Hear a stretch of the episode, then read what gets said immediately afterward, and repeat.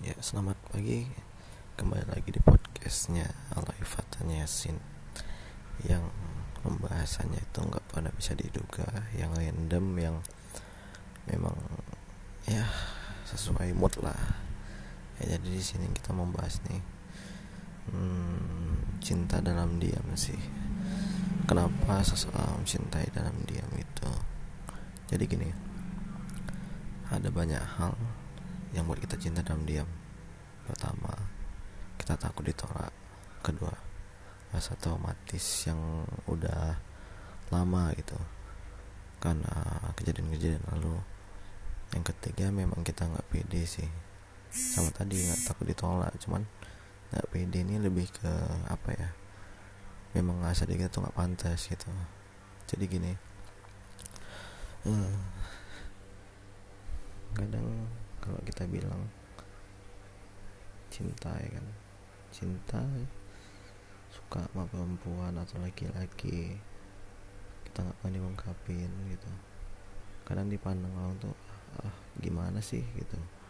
Masa cinta nggak diungkapin? Masa cinta nggak dibilang? Masa cinta nggak diperjuangin? Nggak bukan itu esensinya ya.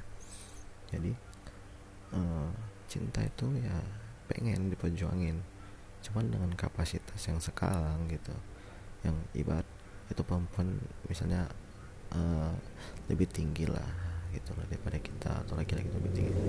Ya kita memastikan sendiri kapasitas misalnya kayak dari segi pemikiran dari segi tingkah laku dan gaya gitu.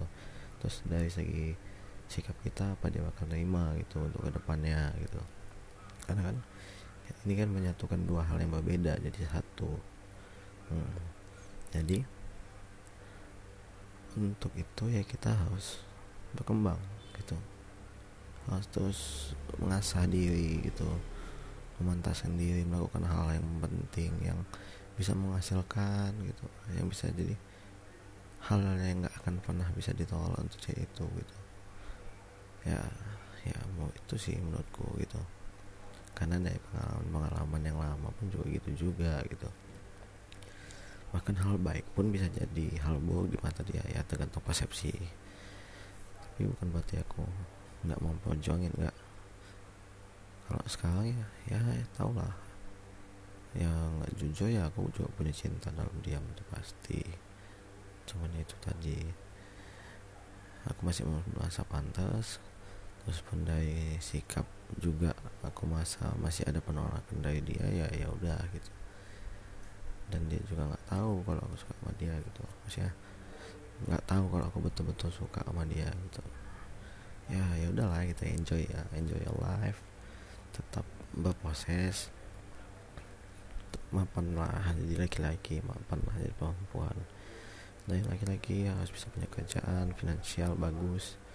Juga bisa meyakinkan perempuan dan keluarganya.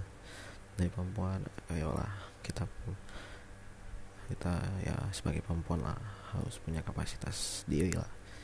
Minimal otak itu ada gitu. Jadi anak yang dihasilkan nanti ya kita bicara ke depan nih. Untuk ke depan itu anak nanti diajarkan tuh bisa secara lebih baik gitu. Kalau kita punya kapasitas diri punya pemikiran punya prinsip filosofi sendiri lah gitu. Ya itu aja lah usah panjang-panjang. Oke. okay. Selamat pagi dan dadah.